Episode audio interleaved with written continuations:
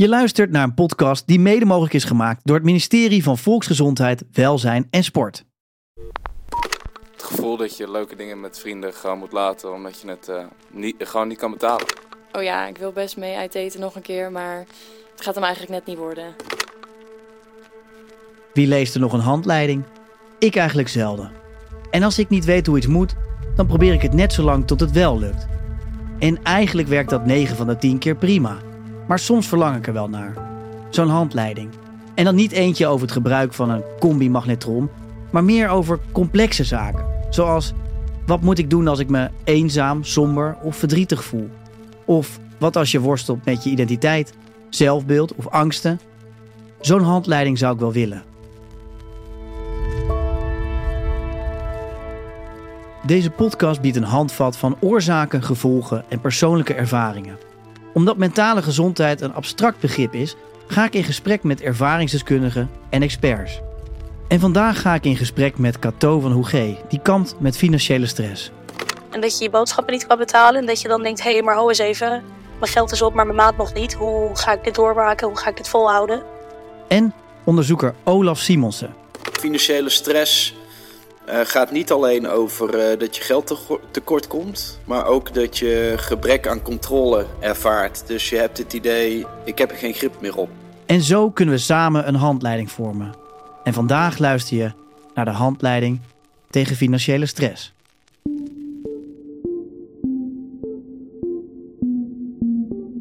Met de komende verkiezingen in aantocht is financiële stress onder jongeren een hot topic. Vooral ook door het laatste nieuws de rente op studieleningen wordt vanaf 1 januari vervijfvoudigd. Uit onderzoek blijkt dat bijna 70% van de studenten zorgen hebben over zijn of haar financiële situatie. De hoge schulden hebben grote invloed op de mentale gezondheid, zoals schaamte, stress en een onzekere toekomst. Ook ik ben ooit student geweest en een studieschuld hebben was toen heel normaal. Mensen van een jaar of 25 tot 30 jaar hebben gemiddeld een studieschuld van 23.000 euro. Nou, ik heb mijn recente studieschuld even opgezocht en ik zit zo rond de 28.000 euro. Hierdoor heb ik mij ook goed kunnen ontwikkelen, zonder zorgen en toch kunnen genieten van mijn studententijd. En dat is ook waar veel studenten ook graag hun studententijd voor willen gebruiken. Maar helaas is dat met de stijgende vaste lasten niet voor iedereen mogelijk. En aan het einde van mijn dag mijn bankrekening kijk en het toch een groter bedrag is afgegaan dan dat ik voorheen had gedacht. Een student die op dit moment studeert is Cato. Zij is 22 jaar, studeert bestuurskunde in Amsterdam. Ze heeft een hoge studieschuld en is op zoek naar een baan, maar dat wil op dit moment niet lukken. En daarnaast moet ze ook nog eens een keer haar huis uit. Kortom, veel factoren die veel stress geven. Er is niet een soort van dag dat ik wakker werd dat ik dacht: wow, nu heb ik stress. Uh, maar er waren wel op een gegeven moment momenten dat ik uh, mijn boodschappen af wil rekenen en dat dat niet kon. Dat ik geen saldo had. En dat ik dacht, hey, shit, ik moet ook zo mijn maandsalaris gaan, mijn, mijn huur gaan betalen. Uh, hoe doe ik dat?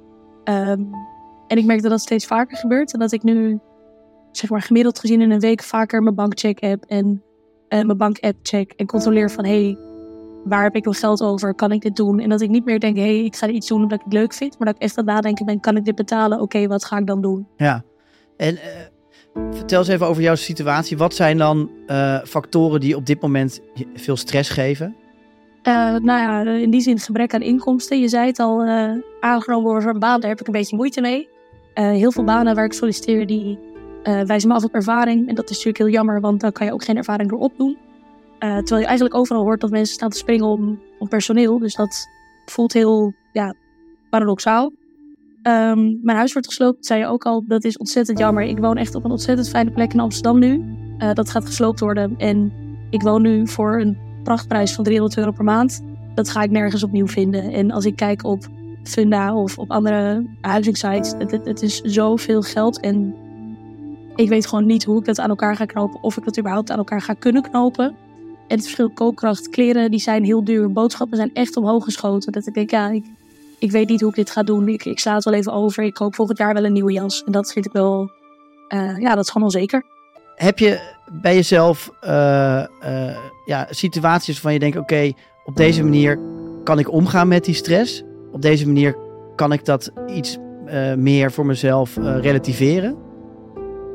Vind ik moeilijk. Ik heb wel op een gegeven moment echt in mijn, in mijn bankieren-app heb ik van alles ingesteld dat in ieder geval voor de eerste van de maand mijn huur en mijn vaste lasten op mijn rekening staan, zodat het afgeschreven kan worden. Dat helpt wel dat je in ieder geval niet daarmee vastloopt. Dan ga ik gewoon heel erg op mijn geld letten. Dus dan uh, probeer ik zo min mogelijk uit te geven en een beetje uh, creatief om te gaan met mijn geld. Het is, ja, het is soms gewoon jammer, maar uh, dat, dat zijn keuzes in het leven die je moet maken. Kato, je bent jong, je bent student, onderdeel van een vereniging. En op dit moment ben je met je studentenvereniging in Spanje. Ik kan me voorstellen dat het voor mensen vrij dubbel voelt. Dat je wel op reis kan gaan en ook financiële stress. Um, hoe, hoe kijk je daar zelf naar? Uh, als echt een keuze. Ik heb deze vakantie echt lang ingeboekt van tevoren. Ik heb er lang voor gespaard. Elke maand iets opzij, wetend dat dit kon. Uh, en ik heb ook tot echt twee dagen voor mijn vakantie getwijfeld. En met mijn ouders aan de lijn gehangen. Jongens, moet ik dit wel doen? Want het gaat me echt krap en duur komen te staan. Uh, maar die zeiden ook, die zeggen heel Kato, we weten hoe verdrietig en alleen jij je soms voelt in de winter. Ga nou wel, hier ga je zoveel aan hebben. Um, maar ja, tot aan de laatste dag buikpijn, want het is wel gewoon spannend. Maar uiteindelijk heel blij dat ik hier zit. Ja, nou, ik denk dat dit dilemma uh, iets is waar veel studenten mee worstelen. Want um, je wil zeker leuke dingen blijven doen met vrienden. En deze studententijd is ook bedoeld om uh, je sociale uh, netwerk te vergroten. Um, dus kan het ook heel zonde zijn als je je dan van dat soort leuke activiteiten moet weerhouden. Um, maar uh, dit, dit, dilemma zitten waarschijnlijk ontzettend veel studenten mee. Waar zeg je ja tegen, waar zeg je nee tegen? Want dit is wel waar een studententijd om draait. Ja, het is inderdaad heel gezellig en het is heel leuk. En ik heb ook in die zin wel afgewogen de afgelopen twee maanden. Normaal ga je elke week naar een borrel ook. Ben ik dan niet naar die borrel geweest, zodat ik dat geld in deze vakantie kon steken. Dus het is echt inderdaad afwegen. Waar ga je wel heen, waar ga je niet heen? Terwijl je zou natuurlijk het allerliefst overal bij zijn. Want het is gewoon vooral heel erg gezellig. Uh, en dat is wel gewoon een moeilijke keus. Maar ik weet niet, daar denk ik wel goed over na. En uh, ik hoop dat het daardoor te verantwoorden is dat ik toch hier zit. Ja, zeker. En, en uh, je benoemde het al dat je met je ouders hierover gebeld hebt, dat je hiermee in je maag zat. Um, kun je hier goed met je ouders over praten? Dat denk ik wel. Ik merk wel dat ik het vooral heel fijn vind om even hardop te zeggen waar ik allemaal mee zit. En dat ik het even ventileren kan. Uh, mijn ouders die springen ook echt niet bij voor zaken zoals vakantie. Um, maar het is wel af en toe fijn. En die, zeggen, die, die kennen mij ook als persoon. Dus die zeggen ook, Joketo, misschien is het qua geld even heel moeilijk. Maar we weten hoe blij je hiervan gaat worden. Weeg dat ook aan elkaar af. Want dat is ook gewoon heel erg belangrijk.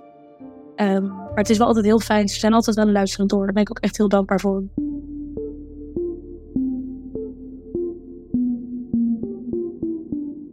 De huur die heel erg omhoog gaat de zorgverzekering die ineens omhoog gaat, uh, boetes.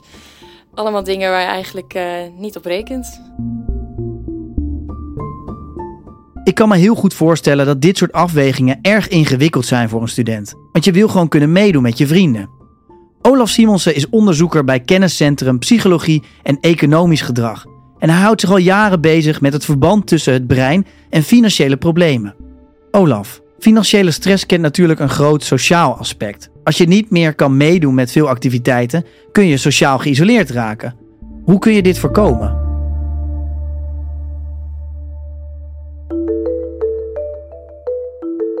Kijk, het kan best zijn dat uh, als je erover praat dat je niet de enige bent. En dat uh, misschien anderen ook wel zeggen, ja, ik heb er eigenlijk ook wel last van dat uh, zo'n rondje in de kroeg, dat dat best wel in de papieren loopt. En dat kan ik me eigenlijk niet veroorloven. Zeg je daarin dat um, door op je financiële uitgaven te letten, dat je daardoor jezelf in sommige gevallen moet weerhouden van met sociale activiteiten meedoen? Of zeg je ja, maar deze periode is zo cruciaal voor je persoonlijke ontwikkeling.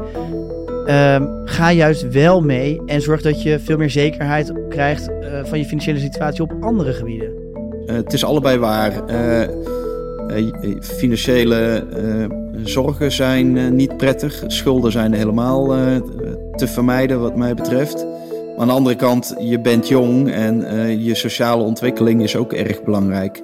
Mm-hmm. Um, maar er kunnen natuurlijk situaties zijn dat er echt geen geld is om uh, aan allerlei sociale activiteiten mee te doen. Aan de andere kant zijn er altijd wel creatieve manieren om met, uh, met weinig geld toch aan dingen mee te doen. Alleen ja, wat we net al even in een bijzin bespraken, er is natuurlijk ook best wel veel groepsdruk. Hè? Dus ehm, Ja. je wilt erbij horen, dat is gewoon een, een hele fundamentele behoefte van mensen. Ergens bij willen horen en zeker de, de, je naaste omgeving, uh, ja, daar, wil je, daar wil je bij horen. Je vindt het belangrijk wat ze van je vinden. Um, ja, en dan kan het wel eens lastig zijn als je tegelijkertijd met geldzorgen zit. Dus um, ja, het is heel moeilijk te zeggen. Het, is ook heel individueel, hè? maar uh, uh, het begint er vaak mee om gewoon eens inzicht te krijgen in waar geef ik nou eigenlijk mijn geld in uit, aan uit. Vaak gaat dat heel ongemerkt. Hè? Financiële stress gaat vaak gepaard met schaamte. Ik ben wel benieuwd of Kanto hier ook met vrienden over kan praten. Ik merk dat we er een soort van. Iedereen maakt er grapjes over. Van oh ja, maar we zijn toch arm. Oh ja, och, maar duo komt binnenkort. Um, maar dat niemand echt, echt eerlijk durft te zijn van hé, hey, het zit me best hoog. Die stress die weegt best wel zwaar. Um, ik merk ook dat wanneer je het er met. Niet met, bijvoorbeeld met je huisgenoten, maar ook met mensen op school, zoals een studieloopbaanbegeleider erover hebt, dat die vaak zeggen: Oh joh, maar je studeert nu, je krijgt later een baan waar je ontzettend veel gaat verdienen, dus dat komt wel goed joh. Uh, en dat ik denk, dit hoort troostend te zijn, maar het geeft alleen maar stress. Want op dit moment en de afgelopen jaren voelt dit gewoon niet zo. Uh, dus dat, dat dat gewoon heel moeilijk is. Ja. Uh, durf jij om hulp te vragen als je het nodig hebt? Financiële hulp soms. Ik uh, heb heel veel geluk met mijn ouders. Die zijn hartstikke lief en die willen graag bijspringen als dat nodig is. Maar ik voel me wel een beetje bezwaard om dat te vragen. Uh, vooral omdat ik ook denk, hé, hey, jullie hebben hard voor dit geld gewerkt. Ik werk ook hard. Dan zou ik het toch zelf ook moeten kunnen doen. Um, en het voelt toch een beetje schaamtevol of zo. Alsof je niet echt iets terug kan doen aan je ouders. Het voelt heel erg alsof ik denk, dan denk ik, hé, hey, ik ben nu volwassen vrouw. Ik woon uit huis. Ik ben aan het studeren. Ik ben nu volwassen.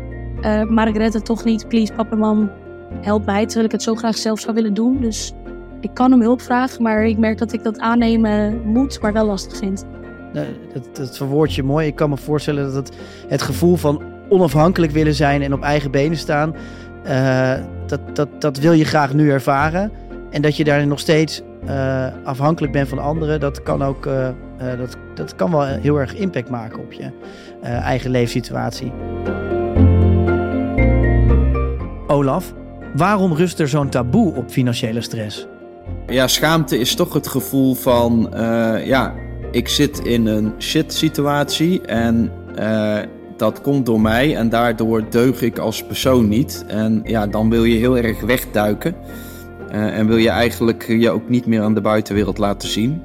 Uh, dus het is heel erg de, het, het ja, internaliseren van problemen waar je misschien wel iets aan kan doen, misschien ook minder aan kan doen. Dat zijn vaak de omstandigheden. Ja, en, en um, als je kijkt naar concrete praktische tips voor jongeren die ja. op dit moment kampen met deze stress. Uh, wat, wat zou je kunnen doen om die financiële stress te verminderen?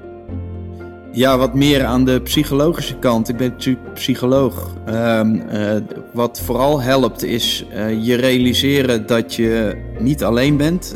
er zijn veel jongeren met financiële stress. Um, dus je je staat daar niet alleen in. Er zijn andere jongeren die daar ook mee te maken hebben. Je hoeft je er niet voor te schamen. Je, en het helpt om je dat te realiseren, zodat het ook makkelijker wordt om er met anderen over te praten. En dat helpt al. Dat neemt soms een deel van de stress weg. Maar dat zorgt er ook voor dat je van, je, van andere jongeren um, tips kunt krijgen van hoe zij ermee omgaan. dus dat is één heel belangrijk. nou ja, praat erover. Als je echt in de problemen uh, bent, uh, dat kan ook gebeuren natuurlijk. Um, ja, zorg dan dat je aan de bel trekt en dat je op zoek gaat naar hulp. Um, en meer aan de praktische kant. Uh, het blijkt ook dat jongeren best veel geld laten liggen. Um, dus bijvoorbeeld oh ja? als je een bijbaantje hebt, geen belastingaangifte of geen belasting terugvragen of zorgtoeslag niet aanvragen. Heel veel jongeren denken ten onrechte dat ze geen recht hebben op zorgtoeslag. Om wat voor reden dan ook. Bijvoorbeeld omdat ze nog thuis wonen of omdat hun ouder de zor ouders de zorgpremie betalen. Maar uh, ja, in 9 van de 10 gevallen heb je toch gewoon recht op zorgtoeslag. En dat kan net het beetje zijn, nou ja, het gaat toch om vaak zo'n 100 euro in de maand. dat kan net genoeg zijn om aan de goede kant van de score te blijven, zeg maar. Mhm. Dus dat is meer aan de praktische kant. zorg dat je de, de inkomsten waar je recht op hebt, dat je die wel gewoon krijgt. Dat kan net schelen. Ja, ja dit zijn hele fijne uh, praktische tips waar, waar jongeren misschien uh, nog niet altijd bewust van zijn. Um, het, over het algemeen zeg je, het praten over geld kan helpen. Daarmee uh, kunnen je, je vrienden, familie beter begrijpen wat situaties zijn. En kun je ook gebruik maken ja. van elkaars kennis. Hoe, hoe denk Zeker. je dat het is met de financiële kennis van de jongeren op dit moment? Is het iets waar ze soms te laat bewust van zijn? Ja, ik uh, heb hiervoor heel lang gepleit voor uh, financiële educatie in het onderwijs. Geld is een steeds belangrijkere rol in ons leven gaan spelen. Uh, geld is natuurlijk vooral een middel om van alles en nog wat te kunnen doen. Overigens, wat jongeren vooral uh, zeggen als ze geldgebrek hebben, is dat ze het vervelend vinden dat ze daardoor aan allerlei dingen niet meer mee kunnen doen. En dat is onderdeel van een soort vicieuze cirkel waar je in terechtkomt. Want daardoor wordt je wereld steeds kleiner. En ook de groep waar je op kunt terugvallen wordt mm -hmm. steeds kleiner. Um, dus um, uh, nou ja, het komt toch weer terug op uh, praten erover. Even terug over die financiële kennis. Uh, mm -hmm. Ja, financiële kennis kan wel een boost gebruiken. Het is ook niet zo, zo dat jongeren het over het algemeen slecht doen hoor, op dat terrein. Maar als je 18 wordt en uh, je wordt uh, financieel zelfstandig en zeker als je ook gaat studeren en op jezelf gaat wonen, dan komt er enorm veel op je af. Waar je daarvoor gewoon helemaal niet mee te maken hebt gehad. Ik noemde net al, je moet je eigen zorgverzekering gaan uitzoeken. je moet misschien huur voor een studentenkamer gaan be betalen. Je moet belastingaangifte gaan doen, studiefinanciering. Het is gewoon heel veel wat op je afkomt en het is vaak tamelijk ingewikkeld. Praten over geld dus. Dat lijkt een beetje de key als ik Olaf zo hoor. Cato, werd er bij jou vroeger over geld gepraat? Nou, niet op een gekke of hele voorlichtende manier, maar meer van hey, wees er voorzichtig mee. Wel altijd hey, zorg dat je een baantje hebt. Als je geen geld hebt, dan ga je werken, want dat, zo krijg je geld. Um, en dat waren eigenlijk vooral de jaren voordat we uit huis gingen. Maar ik merk eigenlijk sinds corona, omdat toen ook voor mij mijn werk wegviel, uh, je toch op jezelf ook dat geld is een heel ander soort thema geworden. Het was niet meer, hey, ik wil graag naar een feestje, dus mag ik alsjeblieft wat centjes? Nee, ga daar maar voor werken. Het was, hey, ik weet niet of ik mijn huur kan betalen en ik weet niet of ik mijn boodschappen kan betalen. Wat moet ik doen? Uh, en dat is ook een stress die zij niet delen. Dus het is wel het is heel uniek. Maar vroeger, ja, gewoon aan de bak. En, en hoe kijken uh, vrienden en leeftijdsgenoten naar? Is het iets wat je uh, met vrienden, je zegt dat er wel eens grapjes over gemaakt worden, maar um, kan je hier ook met, uh, met vrienden die dichtbij staan uh, uh, op een kwetsbare manier over hebben? Dat weet ik niet zo goed. Ik moet zeggen, dat durf ik ook niet zo goed. Um, omdat ik er ook stress van krijg om bijvoorbeeld de verhalen online te lezen van andere mensen. Als de, inderdaad de berichten van bijvoorbeeld die rente op die studieschuld. Dan denk ik, oh, en dan gaat mijn hoofd meteen naar vrienden van mij die echt een studieschuld van 60.000 euro hebben. Dat ik denk, ja, arme, arme persoon, hoe gaat hij dat in godsnaam doen? Um, en ik maak me gewoon heel bezorgd over. En ik wil eigenlijk voorkomen dat ik die zorgen ook op iemand anders last. En je zit in hetzelfde schuitje. Dus als iemand een oplossing had geweten, dan had die allang al daar stinkend rijk mee geworden. Omdat hij er een boek over had geschreven. Het is, je bent allemaal op zoek naar hoe komen we eruit. En zeker door corona en door die renteverhoging. Dat is gewoon in een span van drie jaar best wel kort op elkaar veel financiële impact voor studenten. Ja, dat is gewoon heel zuur. We weten het gewoon niet. En, en um, hoe los je dat dan nu op? Want ik kan me voorstellen dat, dat uh, door het nieuws te kijken uh, en er steeds weer nieuwe berichten, je wil op de hoogte blijven van wat betekent dit voor jouw financiële situatie.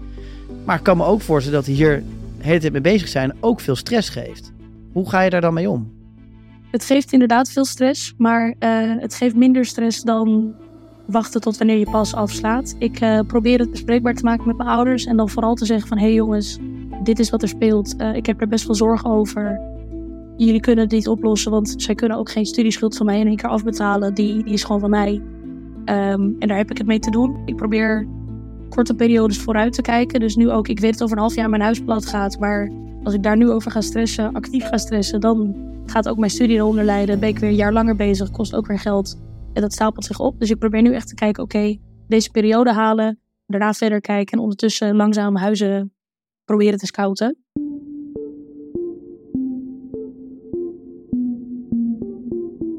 Het klinkt inderdaad logisch dat als je financiële problemen hebt, dat je ook geen zin hebt om je hierin te verdiepen.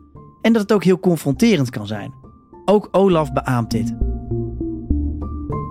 Wat wel uh, daarbij lastig is, is dat we ook uit onderzoek weten dat mensen die uh, geldzorgen hebben en financiële stress ervaren, geneigd zijn om financiële informatie te vermijden.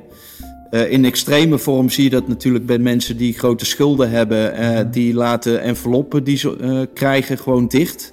Dat is een extreme vorm daarvan, maar het speelt ook in minder extreme vorm zich af. Dus op het moment dat je eh, financiële stress hebt, dan heb je helemaal geen zin om, om op je bankrekening te kijken. Want je weet toch al dat het er niet best uitziet. Um, dus ja, dat moet je wel op een of andere manier doorbreken. je moet toch op een of andere manier de rust vinden om ja, daar wel naar te kijken. Ja. En ook vanuit het besef dat dat juist ook weer heel veel grip en controle kan teruggeven. Ja. Want inderdaad, wat jij zegt, als je het niet weet, dan kun je er ook niks aan doen. Ja. Het is misschien ook een onderwerp waar jongeren zich niet graag mee bezighouden. Tenzij het dus blijkbaar onvermijdelijk is en uh, ze er stress door ervaren. Ja. Uh, zie je hier een parallel in dat het misschien iets is wat uh, geen leuk taakje is, maar door dit op regelmatige basis te onderhouden, net als dat je wekelijks naar de sportschool gaat, wekelijks ja. je huis, een kamer opruimt, dat ook uh, je financiële administratie, wat misschien iets heel abstracts is, maar door ja. inzicht te krijgen over hoe sta je er financieel voor, je bepaalde ja. problemen al voor kan zijn. Ja, zeker. Het kan een hoop rust geven en je kunt uh, daardoor misschien door andere keuzes te maken ook weer uh, ja, andere leuke dingen eh, of noodzakelijke dingen doen. Um, het heeft inderdaad iets van corvée. Maar het is wel, um, het, zeker als, als het gaat om de hoeveelheid tijd die erin... Het hoeft niet veel tijd te kosten, laat het zo zeggen. Het, het kan natuurlijk een hoop... Je moet een drempel over om daar even mee aan de slag te gaan. En je -hmm. hoeft ook niet een jaar lang elke week je uitgaven in detail te monitoren. Maar begin eens met gewoon twee weken uh, in elke, aan het eind van elke dag in twee minuten opschrijven. Waar heb ik vandaag allemaal geld aan uitgegeven? Dat kun je natuurlijk ook op je mobiele telefoon zien. Uh, dus daar, al is het maar even vijf minuten per dag, uh, twee weken lang, dat geeft misschien al heel veel inzicht. En dan weet je ongeveer wel wat er binnenkomt en wat eruit gaat. Ja. Dan hoef je dat niet elke maand uh, 24 uur per dag bezig te, uh, mee bezig te zijn. Uh, budgetteren, heel goed bijhouden wat je allemaal uitgeeft, maar ook wat je binnenkrijgt. Ik zeg toch ook, uh, ja, work hard, party hard, dus daar ga ik dan voor. Financiële stress is erg persoonlijk, net als de oplossing voor financiële stress. Maar daarnaast willen studenten zich ook gehoord voelen door de politiek. Maar waar ligt die behoefte precies?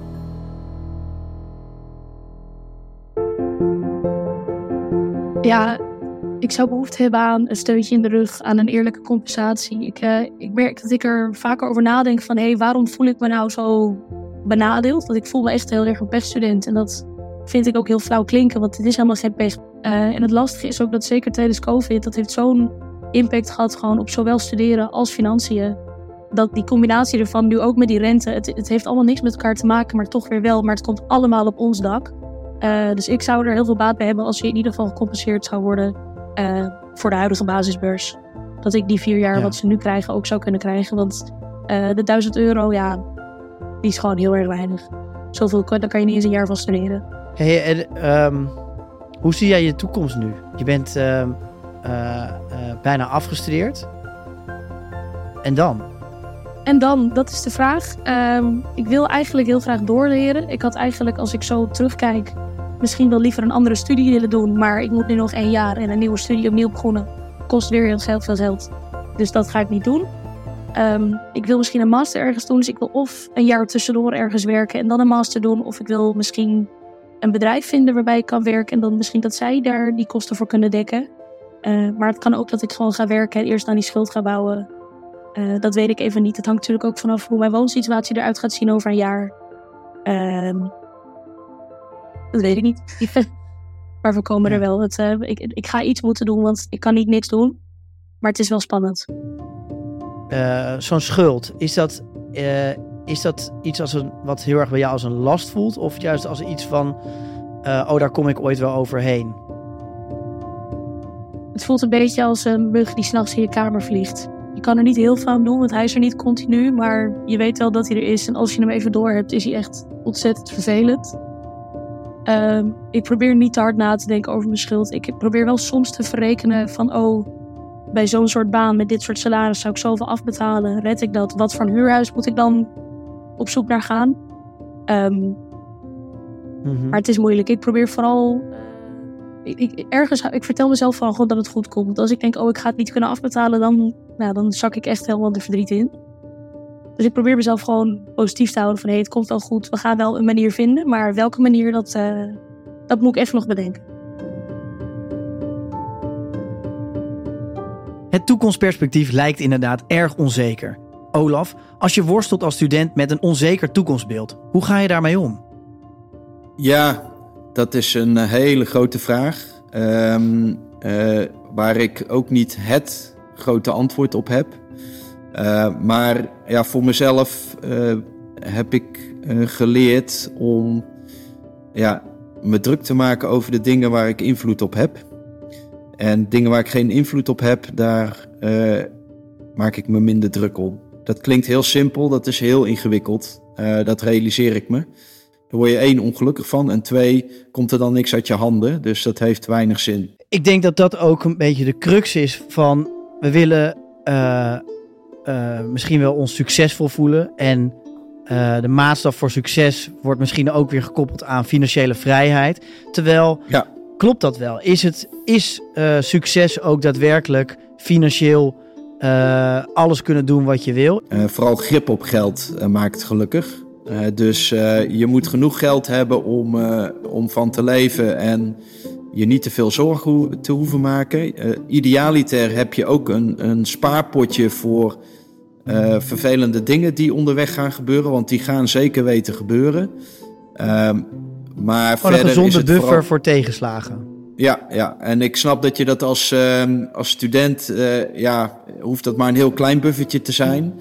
Uh, maar uh, als je een baan hebt, dan is het toch verstandig om ja, elke maand een klein bedragje op zij te zetten. Het liefst automatisch, zodat je er niet elke maand zelf aan hoeft te denken. En ook niet van jouw eigen zelfcontrole op dat moment afhangt of je dat doet. Maar aan, nou ja, aan het begin van het jaar een automatische overboeking openen, zodat er elke maand een tientje of twee tientjes, of als je meer gaat verdienen, 50 euro of 100 euro naar een spaarrekening gaat. Uh mhm. -huh. Liefst bij een andere bank, zodat je er ook niet zo makkelijk bij kunt. Dat zorgt ervoor dat, uh, dat er al gauw een buffertje ontstaat. Kato, wat zou jij aan andere studenten willen meegeven over deze situatie waar je in zit en waar heel veel andere studenten nu ook in zitten? Uh, ja, zo, daar wil ik even over nadenken. Dat vind ik echt een hele moeilijke. Um, ik zou willen meegeven, praat erover. Want uh, dat lost het probleem niet op. Zeg maar zeggen, hé, hey, ik heb financieel zwaar. Daardoor ga je geen magische zak geld ontvangen. Maar dat lucht wel op met de stress die je erover hebt. Uh, en er zijn meer mensen dan je denkt die daar ook last van hebben. En die erover kunnen praten met je. Het is wel fijn om te voelen dat je niet alleen bent. Ja, ik denk dat dat een heel mooi advies is waar uh, studenten zeker iets aan hebben. Daarmee deel je de stress met elkaar, maar wellicht ook de oplossing met elkaar. Want uh, daarmee komt er natuurlijk ook veel meer financiële kennis beschikbaar voor iedereen. En hopelijk draagt deze podcast daar ook aan bij dat door jouw verhaal anderen zich gesteund voelen dat ze niet alleen zijn. En hopelijk hier weer hoop uithalen voor de toekomst. Dus dank je wel daarvoor ja, alsjeblieft. Hoop op een beetje structuur in de toekomst. En verzekerheid.